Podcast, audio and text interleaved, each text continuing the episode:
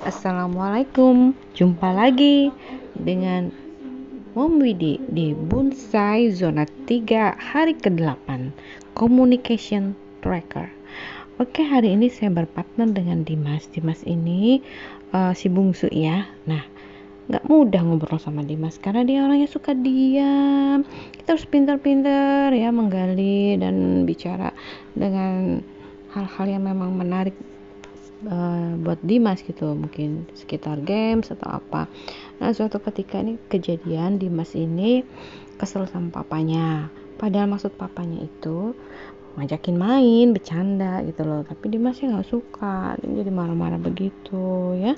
Sekarang kan dia udah kuliah nih jadi kayaknya ya biasalah anak kuliahan tuh uh, udah kepengen punya privacy apa segala macamnya juga uh, pokoknya berani udah mengungkapkan eh, nggak uh, sukanya gitu ya. Ingin lebih dihargai. Di akhirnya saya ajak ngobrol tanya ke Dimas. Mas kenapa kok Dimas kesel-kesel tadi sama papa? Papa kan baik tuh papa kita tak bilang gitu kan ya. Oh tapi ternyata Dimasnya bilang enggak aku kesel papa tuh. Papa harusnya enggak kayak gitu. Papa tuh mau ngajakin Dimas main. Papa tuh pengennya deket sama Dimas gitu kan nah emang salah salah papanya juga sih kurang bisa deket sama si Dimas nih ya. Um, karakter Dimas juga beda gitu loh enggak kayak kakak-kakaknya. Nah jadi Dimas tuh ngerasa uh, maunya Dimas kan setelah digali papanya itu jangan usil gitu loh sama dia diem aja mending diem aja katanya gitu. Papa tuh sebenarnya nggak ngajakin aku main mah papa tuh uh, ganggu gangguin aja jadi papa tuh mending diem aja.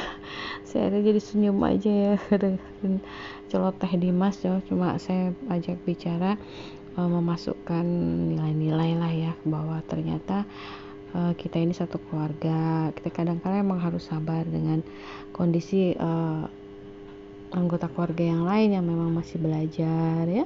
Masih butuh waktu untuk menjadi lebih baik. Memang orang kadang-kala ada yang lebih cepat mengerti cepat bisa ada yang lambat.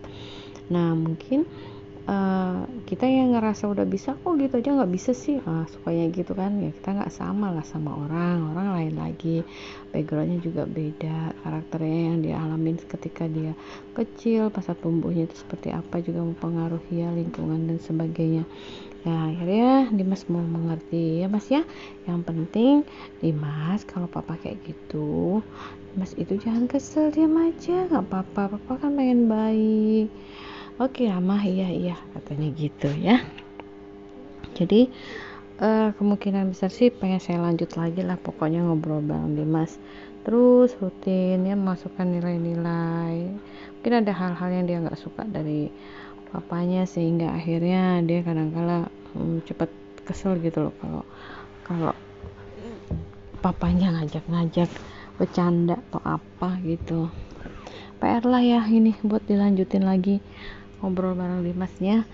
Sampai ketemu nanti solusinya tapi untuk uh, yang dilakukan tahap ini ya diceritain hari ini ya sebegitu dulu. Nanti akan ada tindakan lanjut lagi untuk Dimas ya agar semakin baik hubungannya sama papanya.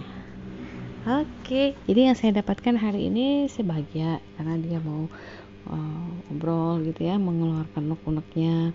Walaupun dia lagi jengkel terus dia bisa reda jengkelnya gitu ya walaupun mungkin oh, belum 100% hilang jengkelnya gitu loh.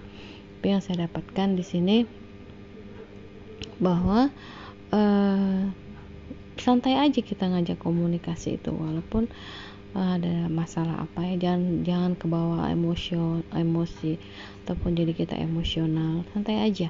Jadi nanti uh, partner kita itu mau menceritakan dengan uh, tenang ya dengan dengan nyaman gitu loh sehingga dia mau cerita banyak.